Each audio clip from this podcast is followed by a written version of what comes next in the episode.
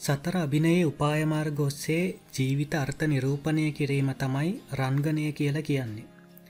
එහෙම කියන්න මන් නෙමේ භරතමුණි කියන පඩිවරයා. ඉතිං හැමෝටම ආයුබෝවන් කියලා බොහොම ආදරයෙන්සා ගෞරවයෙන් පිළිගන්නවා දනා එක්ක වැඩසටහන් මාලාවේ පළවෙනි සහ ආරම්භක කොටස තමයි අද අපි මේ විදියට විකාශනය කරන්නේ. ඉතිං මං මුලදී පූරිකාව සැපේව්ව වගේ අද අපි කතා කරන්න බලාපොරොත්තු වෙන්නේ අපේ රටේ තාරුණ්‍යයේ රංගන ශිල්පියෙක් සමගයි. අද වෙනකොට රංගන ශේෂ්‍රය කියල කියන්නේ අපේ රටේ හැම දවසකම පැය විසි අතර පුරාවටම කතාබහට ලක්වෙන ශේෂත්‍රයක්. ඒවගේම දවසින් දවස අලුත්වෙන ශේෂත්‍රයක්. අද වෙනකොට අපේ රටේ පදුරකට පයින් පාරක් ගැව්ව නවක රංගන ශිල්පීන්සා ශිල්පිනියන් විශාල ප්‍රමාණයක් විසික් වෙනවා. ඒ තරමටම අද අපේ රටේ නවක කලාකරුවන්ට විවිධ දේවල් වලට සම්බන්ධ වෙන්න අවස්ථාව ලැබිල තියෙනවා. මේ අතරේ නමක් දිනා ගැනීමේ අරමුණින් මේ ශේෂ්‍රයට ආපු අයත් නැතුවා නෙමේ. ඉතිං සැබෑරංගන ශිල්පියාගේ වගකීම සහ යුතුකම විය යුත්තේ ලාභපේක්ෂාවෙන් තොරව ප්‍රේක්ෂක පිරිසගේ සිත් සතුටු කිරීමයි. ඉතිං අද අපි කලින් සඳහන් කලා වගේ දනා එක්ක වැඩසටාන් මාලාවේ පළවෙනි වැඩසටහනට එකතු වෙන්නේ අපේ රටේ වේදිකාසා ටෙලිනාට්‍ය කලාව වෙනුවෙන් නිහඩ මෙහෙවරක යෙදෙන රන්ගන ශිල්පියෙක්. ඒ තමයි ශෙහාන් කොඩිකාර. ඉතිං අපි ආයුබෝවන් කියල ශෙහාන්ව පිළිගන්නවා ශෙහාන් කියන්නේ අපේ රටේ කලා කටයුතු වෙනුවෙන් මහත් ඕනෑකමක් සහ විශේෂයෙන්ම සුවිශාල උත්සාහයක්. කැපවීමක් ඇතුව සක්‍රීයව දායකත්වයක් ලබා දෙන සහ එහෙම ලබා දීපු රංගන ශිල්පියෙක්. ඉතිං ශෙහාන් එක්ක අද දවසේ අපි කතා කරන්නට උත්සා කරන්නේ ශෙහාන් කොඩිකාර කියන්නේ මොනවගේ කෙනෙක්ද කියලා. ශෙහාන් ගැන නොදන්න අයට ශෙහාන්ව හදුන්වා දෙන්නයි. ඒ වගේම ටෙලිනාට්‍ය සහ වේදිකා නාට්‍යවල තිරය පිටුපස ඇති පරිසරය ගැනත් අපේ ප්‍රේක්ෂකයන්ට පුළුල් අත්දැකීමක් ලබා දෙන්නත් අපි මේ ශෙහාන් එක්ක කරන මේ සාකච්ඡාවේදී බලාපොරොත්තු වෙනවා. හොදයි එහෙනම් අපි සාකච්ඡාව පටන්ගම්. මුලින්ම අපි ශෙහාන් ගැන බොහොම කෙටියෙන් එයාගේ ජීවන තොරතුරු කිහිපයක් අහලයිමු. ඉතින් ශයහන් අපිට කියන්න බලන්න ඔයාගේ සම්පූර්ණ නම්මොකක්ද කියලා. මහේ ශයහාන් කොඩිකාර. මා වඳුනන්නේ ශයහන් කොඩිකාර කියර තමයි ගොඩක්. ශයහන් කිර නමක ොමතයි ගොඩක් කටි දන්නේ. උපන්න ගම්පලාත උපන් ගම පලාත කොළඹම තමයි. කොළඹ තයි ඉපදුනේ. ඉන්නෙත් කොළඹ. වන්න පිටියේ. ගෙනගත්ත පාසල? ගෙනගත්ත පාසල කොළ විසිපත්තන විද්‍යාලය හොදයි ශෙහාන් අපිට කියන්න බලන්න දැන් ශෙහාන් උසස් පෙළට පිවිසෙන්නේ කොහොමද? මොන අංශයෙන්ද? මොන විෂයන්ද කරේ? ඒ සම්බන්ධව ශෙහන්ගෙන් අපි තොරතුර දැන ගන්න කැමති උසස් පෙළට පිවිසෙන්නේ උසස් පෙළට මං කරන්නේ කලාංශයෙන්. එවුනට මේ වානිජංශය කරන්න පුළුවන්. වානිජංශය ඒ කාලේ මේ රැල්ලක් තිබ්බන මේ කලාවට වැඩි කලාංශින් කරනට ඩි කොමස්කරොත් හොඳ තැනත්වෙනවා එක නිසා ඒ දෙක අතර ලොකු මේ පැටලවිල් තිබ ඉතින් කොමස් ශේක්ෂණ එකට ගිල්ල යාගෙන් අහනවා මොකක් කරන්නද? කියලා. අන්තිමට කලාංශයට වැන්න කලාංශයෙන් කරා කියලා නාට්ටි හැද ඇරුවෙන මංකරේ දේශපාලන විද්‍යාව. ඉතිං පොඩි දුකුත් තිබ මානිජංශයෙන් යන්න තිබ්බ කියලා. එවනට මේ කලාංශෙන් ආපුක් ගැන සතුටුයි. රංගන ශේෂත්‍රයට ශයහන්ට කොහොමද අඩිතාලම වැටුනේ? පාසලෙන් මොනවහරි දායකත්වයක් ලැබුණද ඒ සම්බන්ධව? රංගන ශේස්ත්‍රයට අඩිතාලම මුලින්ම වැටුනේ මුලින්ම පාසල්ලවදී ඉතින් ඒ පාසලේ වෙදිකනාට්ටි හෙම කරා. පාසකලේ වෙදිකනාට්ටි කරනකොට ඒ වල ඉතින් පාසලේම ජනප්‍රිය වුණා. මේ විවිධ චරිත ඔස්සේ විවිධාකාරනාට්ටි මමම හැදවා. හදල ඒවා ස්ටේජ්ජල රඟ දක්වලා ඒ ඔස්සේ හොඳ තැනකටාව මුළු පාසලෙම් ජනප්‍රී චර්තයක් වුණා. පාසලෙන් ලැබුණු දායකත්වය කියන්නේ මාව පාසලේ මම ඕලෙවල් කරනකොට තමයි නාට්‍ය අරං කලාව හැදෑරුවේ. ඊට පස්සේ මම රඟපෑම දැකල සහ ඒ දැබිච්ච සියලුම රංගන කුසලතා එක්ක මාව මුළු ස්කෝලෙන්ම තීරණය කරා ඒ අත්දේකැනම උසස් පෙළ මම ඕලෙවල් කරනකොට උසස් පෙළ හදාරණ අක්කලා අයියලට රඟපෑමේ තින භාවාත්මක හැඟීම් මගේ මූුණේ හොඳරම තියෙන නිසා ඒ ඔස්සේ මට ඒව කියල දෙන්න ඒගොල්ලොන්ට අක්කලට කියල දෙන්න අක්කලා අයියලට කියල දෙන්න අවස්ථාවක් ලැබුණ. කොළඹ සියලුම් පාසල් හැම පාසලකටම වගේ ඩියසෙනනාක මහනාම විශාකා සෙම්පෝල්ස් රාජකීය මේ හැම දේටම හැම තැනකට මට යන්න හම්බෙලා ඒ හැමෝටම ගිහිල්ල මේ රංගනය සම්බන්ධව වූ මේ විවිධාකාර මේ ප්‍රක්ටිකල් මට කියල දෙන්න හැකියාවක් ලැබුණා මට වැඩිය වැඩිමහල්ලායට ඉතින් ඒක මල් ලැබපු ලොකු ජයග්‍රහණයක් පාසල් කාලෙදිම. ඊට පස්සේ පාසලෙන් වේදිකානාට්ටි පමණක් තමයි හැදෑරුවේ. ඕ දැන් අදනං ශෙහාන්ව අපේ රටේ යම් පිරිසක් දන්නවා එලිනාට්‍ය රංගන ශිල්පියෙක් හැටියට එලිනාට්‍ය හරහාම. දැන් ඒ කාලේ කැන ශෙහාන් රංගන ශේෂ්‍රයටාපු මුල්ම කාලේ ගත්තොත් මංහිතන්නේ බොහෝම සුළු පිරිසක් තමයි ශෙහාන්ව දැනගෙන හිටිය. ඉතිං ශෙහා රංගන ශ්‍රේෂ්‍රයටාපු මුල්ම කාලයේ සහභාගී වුණු මුල්ම ටෙලිනාට්‍ය ඒපයක් ගැන මතක්කරොත් මොනවගේ අතීත මතකයන්ද තියෙන්නේ ඒ මුල්කාලීන ටෙලිනාට්‍ය සම්බන්ධව? මන් සම්බන්ධ වුණු පළවෙනි ටෙල්නාටි ගැන මතක් කරනවනං මම ශේස්ත්‍රයටාව දෙදස් දොළහෙදී.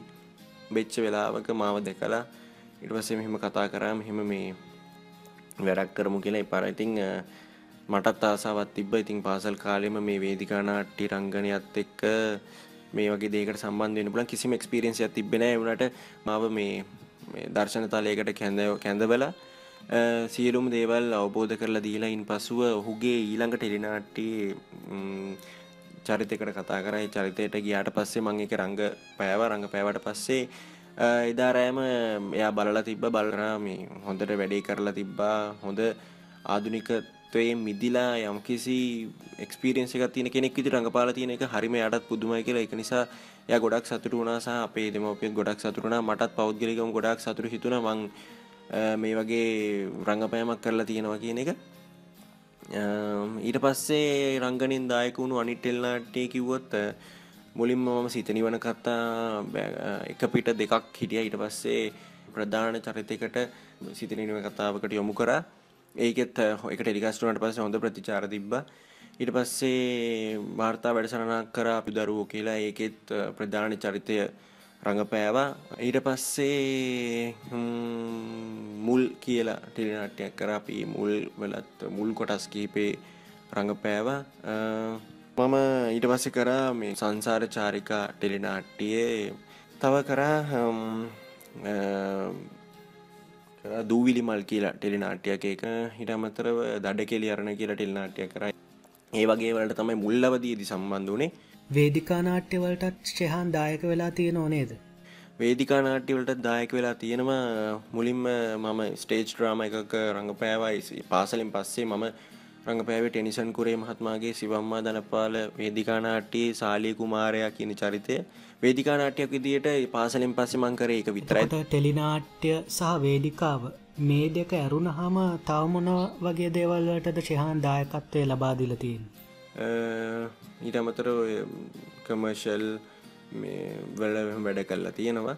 National school of business management ඒ කියන්නේ අද අපි කවුරුත් හොදටම දන්න දුරන NSBM ආයතනයේ අධ්‍යාපනය ලබන කොටත් එකන දැන් මම මේ අදහස් කරන්නේ අද හෝමාගම තියෙන හරිත විශ්වවිද්‍යාලය නෙමේ.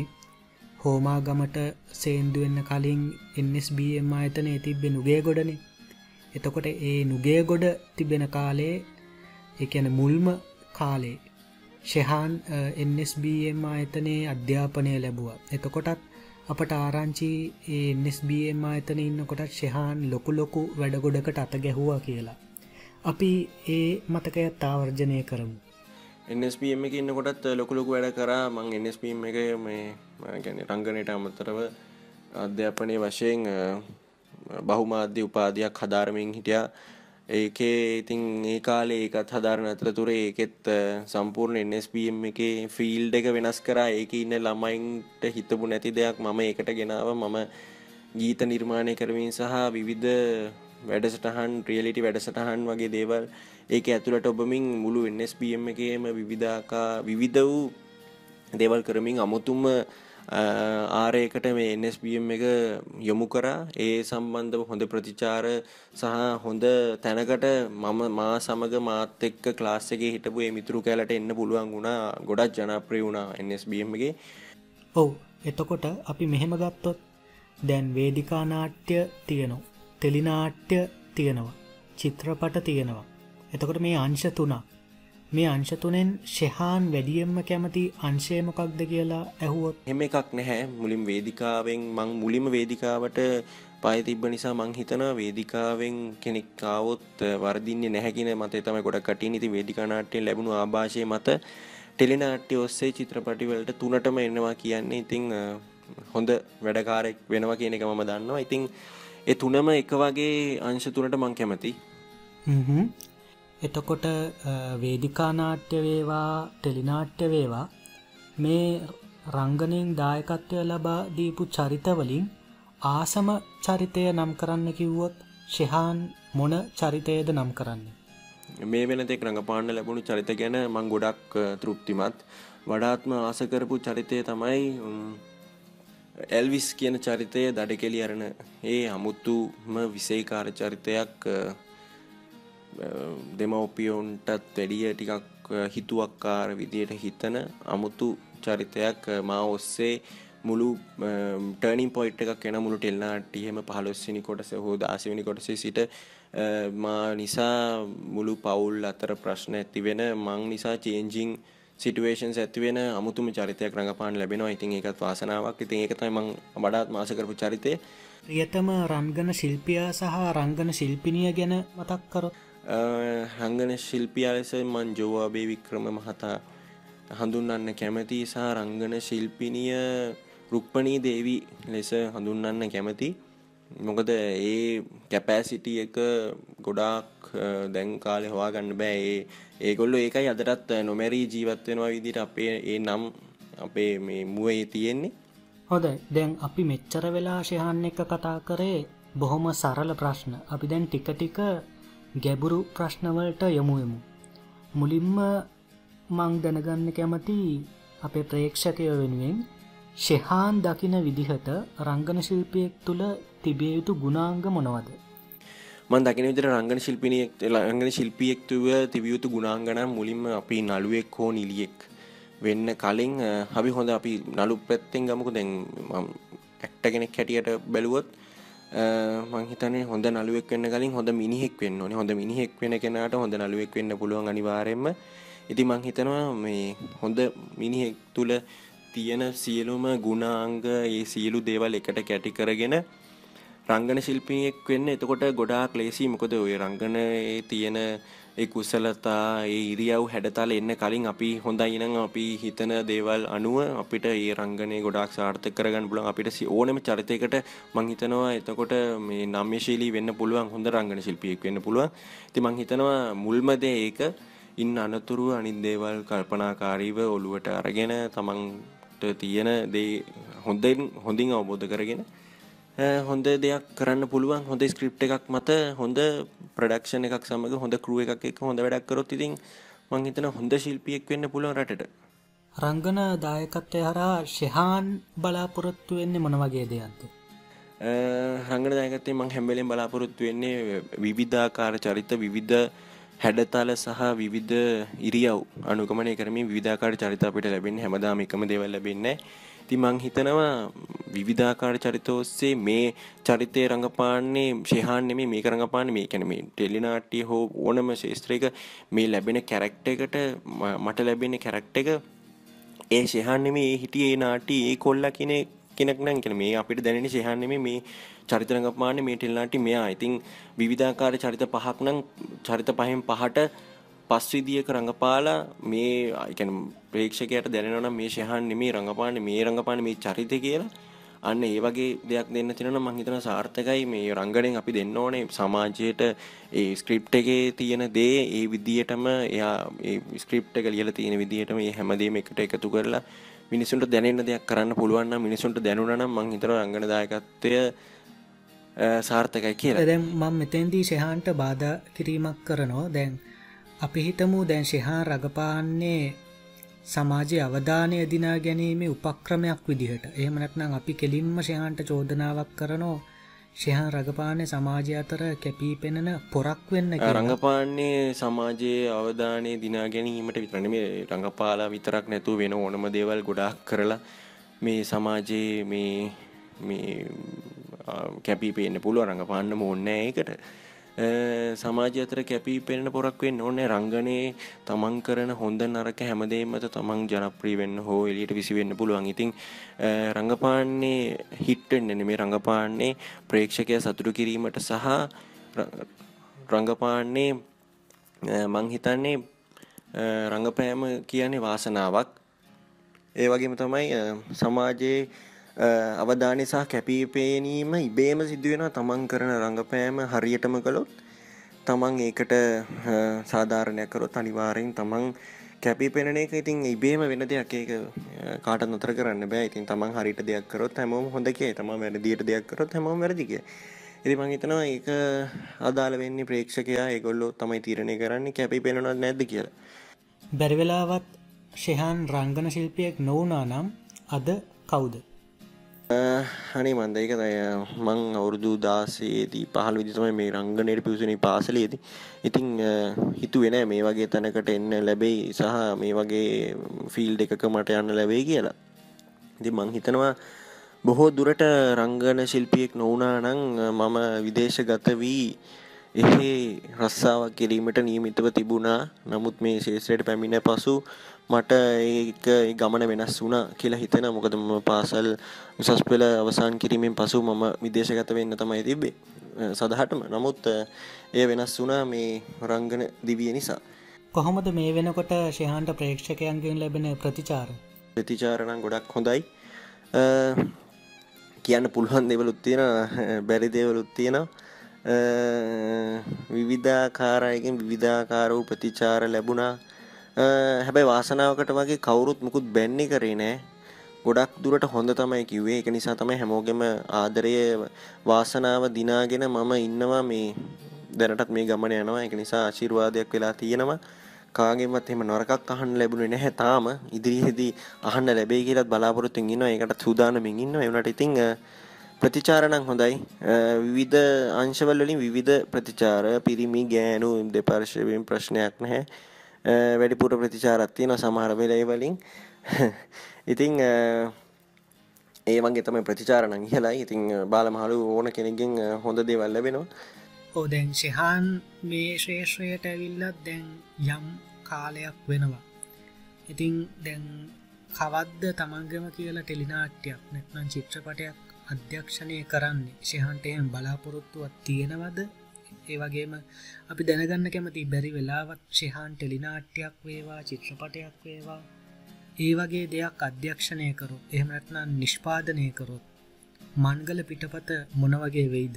ඔබ තව අවුරුදු විසි පහක් තියකටවත් ඉන්නවන. මොකද මේ විවිධාකාර චරිත නිරූපණය කල්ලා විවිධ අංශ විවිධ ස්ථාන විවිධ අධ්‍යක්ෂකවරු තිරපිටපත් මේ සියලුම දේවල් අධ්‍යනය කල්ලා මේවල රඟපාලා මේ හැම අත්දැකීමක් එකට අරගෙන කැටි කරගෙන කවදා හරි වැඩක් කරන්නට මේ සියලු දේවල් එකට කැටි කරගෙන මං හිතන්නේ ඒ සියලුම අත්දැකීම් එකට එකතු කරලා කරන අධ්‍යක්ෂණය තමයි මේ හරියටම හරියන්නේ කියලා. ඉතින් ඒක නිසා අධ්‍යක්ෂණය කරන්න මට මේ ඉක්මනටම උමනාවක් නෑ. මේ හිටා නිදා එහෙම කරන එකක පැවැත්මකුත් නෑ. ඉතින් මට ඕන හොඳ අත්දැකීමක් අරගෙන කවදා හරි දවසක එක එක චිත්‍රපටයකට ටෙලිනාට්‍යයකට අධ්‍යක්ෂණය කරන්න තියෙනවා නම් පිරිපුන් නිෂ්පාදනයක් විදියට. ඉතින් මං හිතනවා ඒක මට සතුටුයි කියලා. ඉතින් මංගල පිටපත ගැනකිව මං පිටපත් රචනය දැනටත් කරගෙන යනවා. මං කරපු පිටපත් දෙක තුනම පෝය නාට්ටි විදිටත් නාලිකාබල ප්‍රදර්ශනය කල්ලා තියෙනවා. ටෙලිකාස්ටලත් තියෙනවා. ඉතිං පිටපත් සම්බන්ධව දැන්ගිදම්ම යම් පොඩි පොඩ කොළුවේ තියනවා. දැනින් දම පොඩි අඩිතාලම දාගෙන ඉතින් හොඳ ස්ක්‍රප් ලියන්න තම ඕන්ලා හැමිලෙන් බලන්න. ඉතින් කවදහරි හොඳ දැවන්ත දෙයක් කරන්න බලාපොරොත්තුෙන් ඉන්න හොඳ පිටපතකින්. එතකොට නිවේදන සහ ගායන කටයුතුවල යෙදෙන්න ශයහන්ගේ කැමැත්තක් නැද්ද? ගායනය සම්බන්ධන දන්නේ නැහැ. බයි ගායනය සම්බන්ධ මහිතනව සීට පහක් විතර පොඩ පුළුවන් ඇති කියලා ඉතිං නිවේදන කටයුතු සම්බන්ධ වන ලොකු උමනාවක් තියෙනවා. නිවේදන කටයුතුවලට මේ සම්බන්ධව ලංකායි ප්‍රසිද්ධ මාධ්‍යයක වැඩ කටයුතු කරන්න බලාපොරොත්තුවෙන් සිටිනවා. නිවේදන කියනදේ රඟපෑම හා සමානව මන් දක්ෂයි කියලා ගොඩක් දෙනෙක් කියලත් තියෙන මත් දන්නවා. ඉතින් ඒ නිවේදන කටයුතුත් තව පොලිෂ් කරගෙන නිවේදකයකු වීම සිහිනයක් මගේ එක සිහිනයක් ඒක වෙන්න අනිවාරයෙන් බලාපොරොත්තින ඒ මගට මම යන්න දැන් බලාපොරොත්තුවෙන් සිටිනවා. ඒ සඳහා මට අවස ඇරයුමුත් ලැබිල තියෙනවා. ඉතින් ඒකට යන්න ගොඩක් සතුරෙන් බලාපොරොත්තුවෙන් ඉන්නවා. නිවේදන කටයුතු හොඳින් කරන්න බලාපොරොත්තුවෙන් ඉන්නවා. රංගන ශේත්‍රයේ අත්විදින්න සිද්ධ වුණු අමතක නොවන සිදුවීමක් දෙකක් එහෙමත් මතක්කරොත් කියන්නේ අංගමතක නොවන සිදුවීම් නම් ගොඩක් තියෙනවා. අමතක නොවන සිදුවීමක් කිව්වොත් මට නාට්‍ය එක දුන්න මේ මොකක්ද මේ ෆෝවීල් ජිප්ප එක අපදින්න මේ හොට කැලේ. ඉතින් එහෙම එකක් නම් කලින් පැදලා තිබෙන ඉතින් ඕක පොඩ්ඩක් ස්ටාර්ට් කල පොඩි අමුතු විදි පරණ එකක් කොමාරිම හද්ද පරණ එකක්. ඉතිං ඒක ස්ටාර්ට් කරනවා පොඩ්ඩක් ඉස්රටනවා නවතින හොම පොඩි පොඩි හය හත්සරයක් ගිහිල්ලා අන්තිමට ඉතින් ජිප් එක ඒ බැට්‍රි බැස්සා කට්ටිය ගෙනල්ල තල්ලු කරලා පොඩිපොඩි ප්‍රශ්න කියල කොමරි වැඩි අන්තිමට කරගත්තා. ඒක තමයි ගොඩාක්ම මේ හමතක නොවන සිදුවීමක් ඉදිරිතියනි සහ මේ ඔය පිගියා මේ එලිනට්ටිරු ගත කරන්න හම්බන්තොර ප්‍රදේශයට ඉතින් ඒක විවිධාකාර වූ කෘමි සත්තු හොඳ සැර සත්තු කාල හොඳට ඉදිමෝගෙන ඉන්ඩ බැරු හිටිය කෑම කාගන්නත් බැරු ඒ වගේ ඉතින් අමතක නොනි සිදුවීමුත් තියෙන තම බොහොම ඇතින දෙක තමට දැනට මතක් වෙන්නේ. රංගන ශේෂයේදී මොනවගේ අභියෝගවලටද ශයහන් මුහුණ දීලා තියෙන්නේ? දැන් රංගන ශේෂයට පිවිසෙන්න ඉන්න බොහෝ පිරිසක් මේ කහගෙන ඇති. එයාලට අපි කියමු ද ඒ අභියෝග ජයග්‍රහණය කරේ කොහොමද කියලා? අභියෝග හැම දෙයක්ම අභියෝගයක් හැම චරිතයක්ම අභියෝගයක් හැම දවසක්ම මං අභියෝගයක් ඉදිර ගන්නේ. ඉතින් ඒ හැම අභියෝගයක්ම ජයග්‍රහණය කරපු නිසා තමයි මං මේ තාක් දුරට මේ ශේත්‍රය යාවිල්ල තියෙන්නේ. ඉතින් මට හැමදාම මේක අභියෝගයක්. අභියෝගයක් ඉතරම බාරගෙන මුහුණ දෙන්න තමයි සූදානමින් ඉන්නේ. කොහොමද ශයහන් විවේක කාලය ගත කරන්නේ? විවේකය ගත කරන්නේ ගොඩක් දුරට පිටරට ටීවිසිරිස් තමයි ගොඩක් බලන්නේ. ටීවිසිරිස් වලට ගොඩක් ආසයි ඒව එකතු කරගෙන අනිවාරෙන් ඒව බලනවා. ඒවා දිගටම බලන්න එක තමයි ගොඩක් දුරට කරන්නේ. චිත්‍රපට ටෙලිනාට්ටි ශ්‍රී ලංකාවේවටත් එහෙම වෙනසක් නෑ. ඒවත් පොදුවේ බලනවා. ක්‍රිකට් ක්‍රීඩා කරන්න ගොඩක් ආසයි. විවිධ දේවල් හිතන්න ආසයි. අලුත්තෙන් ස්ක්‍රිප් ලියන්න ගීත ලියන්න අලුත් දෙවල් හොයාගෙන යන්න ගොඩක් ආසයි විවේක ගත කරන කාලයේදී. ඒ දේවල් තමයි කරන්නේ. දැන් ශහාන් රංගන ශේෂයට පිවිසලා යම් කාලයක් වෙනවා. එතකොට ආ යාපස්සට හැරුණොත්. තමන් මූලාරම්භේදලා වර්තමානය වෙනකං මේ ඇවිල්ල තියෙන ගමන් මාර්ගය ගැන මොකද හිතෙන් රංගන ශේෂත්‍රය මෙතෙකාපු ගැන ආපු ගමන ගැන ගොඩක් තෘප්තිමත් ගොඩක් අමාරුවෙන් ආවේ. ගොඩක් අමාරුවෙන්ආවට මම මේ අවුරුදු දෙක දෙකාමාර ඇතුළත හොඳ තැනකට ඇවිල්ලා තියෙනවා කියලා මට තෘප්තිමත්. මොකද මේ ශේත්‍රය ගොඩක් කටුකයි. කටුකකමෙන් මිදෙන්න බැහැයි මිතින්න නැතුව ඒ කටුක භාවය තමන් කාගෙන ඉදිරිට ආපු එක ගැන තම ඒක තමයි සතුටු. ඉස්සරහටත් ඒක තමයි සතුට. ඉතින් ගොඩක් සතුරි ශේත්‍රය ගැන දැන් අපි කලින් ප්‍රශ්නයකදිත් මතක් කරා මේ සාකච්ඡා වහගෙන ඉන්න ඒගැන රංගන ශේෂ්‍රයට පිවිසෙන්න බලාපොරොත්තුවෙන් ඉන්න කොටසකුත් ඉන්නවා කියලා. එතකොට දැන් ශෙහාන්ට මොනවද මේ රංගන ශේෂයට අලුතෙන් එන අයට කියන්න තියෙන දෙන්න තියෙන පණිවිඩය මොකක්ද රංගන ශේස්ත්‍රයට අලුතෙන් එන්නම නං තමන් ඉස්සලාම හොඳට තමන් ගැන දැනගෙන සහ තමන්ට ඉදිරියේ ඉන්න ලොකු අඩිස්ල ගැන තමන් හොඳින් තේරුම් අරගෙන ඒකොලොන්ට ගරු කරනවා කියන්නේ මේ කකුල් දෙකරලම දින්න කියෙනෙන මේ ඔවුන් සමඟ සුහද වෙලා. ඒගොලොත් එක එකට එකට සතුටින් ඉන්න. තොට ඒගොලොත් ඒගොලන්ගේ දේවල තෝගොලොන්ට ගන්න පුළුවන්. ඒගොලොත් හැමදාම හොඳින් ඉන්න අනිවාරෙන් ෆිට්ට ඉන්න හම කවරුත් එම ලොකූ දෙයක් නෑ හෙම සියට අනුවටක්ම හොඳයි. ඉතිං තමන්ට දෙන දේට තමන් සාධාරණයක් කරන්න බලන්න. හැම්බිලීම චරිතය හොයන්න. චරිතයගෙන අවබෝධ කරන්න. දන්නත්තං තමන්ට අවශ්‍යධ්‍යක්ෂකවරය සා සීලු දෙනගෙන්ම හන්න දැනගන්න. කරලා හොඳ ගමනක් කියන්න පුළුවන්. හැබැයි හොඳ කෙනෙක් වෙන්න ගොඩක් අමාරුයි. තමන් හරියට හොයල බලන්න හරියට මේ චරිතය හෝ යම් තමන් කරන්න කාරය ඉටු කරන්න තමන් ගොඩක් මහන්සි වෙනවන මහන්සි වුණොත් තමන්ට ප්‍රතිඵල නිලාගන්න පුළුවන් අනිවාරෙන්ම හොදයි දැන් අපි අපේ සාකච්ඡාවේ අවසාන අධියරයට කෙමෙන් කෙමෙන් ලගා වෙලා තියෙන්නේ. ඉතිං අපි දැනගන්න කැමති මොනවද ශිහාන්ගේ ඉදිරි බලාපොරොත්තු කියලා? ඉදිරියේදී ටෙල්නාටි රංගනය සහ ගීත රචනා කරනවා. එතකොට තිරපිටපත් රචනා කරනවා ඊට අමතර මියසික් වීඩියෝ කරනවා. මේ දවස්සල මියසික් වීඩියෝ ඉතින් දිරියේදී කවදාහරි ඕ දවසක අධ්‍යක්ෂණය කිරීමට බලාපොරොත්තුවෙන් සිටිනවා.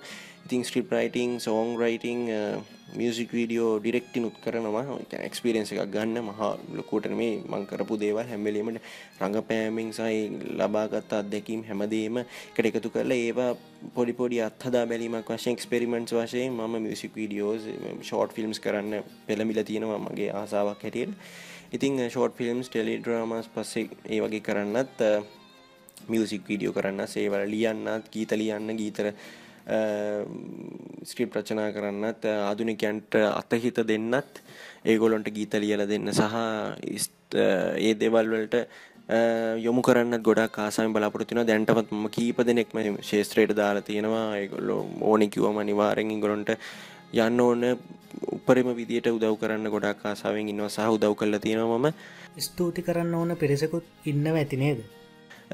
ස්තුති කරන්න ඕන කියල කිව්වොත් මුලින්ම මගේ පියාණන් රොහන් කොඩිකාරට ස්තුතිවන්තෝ වෙන්න ඕනේ. ඔහුත් මේ ශේස්ත්‍රයේ ටෙලිනාට්‍ය නිෂ්පාදකවරයෙක් වෙනවා. ඉතින් ඔහුත් ඔහු මාහා එමි ගමන යනවා වගේම ඔහුගේ වැඩ කටයු තුල්ලත් මාව ගන්නවා වගේම ඔහු තුළින් හොඳ ගුණයක් ජීවයක් මට ලැබිල තියෙන මේ ශේස්ත්‍රයන්න එතකොට මගේ මව ගොඩක් ආදරින් මතක් කරනවා. ඒ වගේම මට මේ වෙලා නම් කියන්න අමතුක විච්චස් ගොඩාක් දෙනෙක් ඉන්නවා. ඉතින් ඒ හැමෝටම ගොඩාක් අතරින් මතක් කරනවා.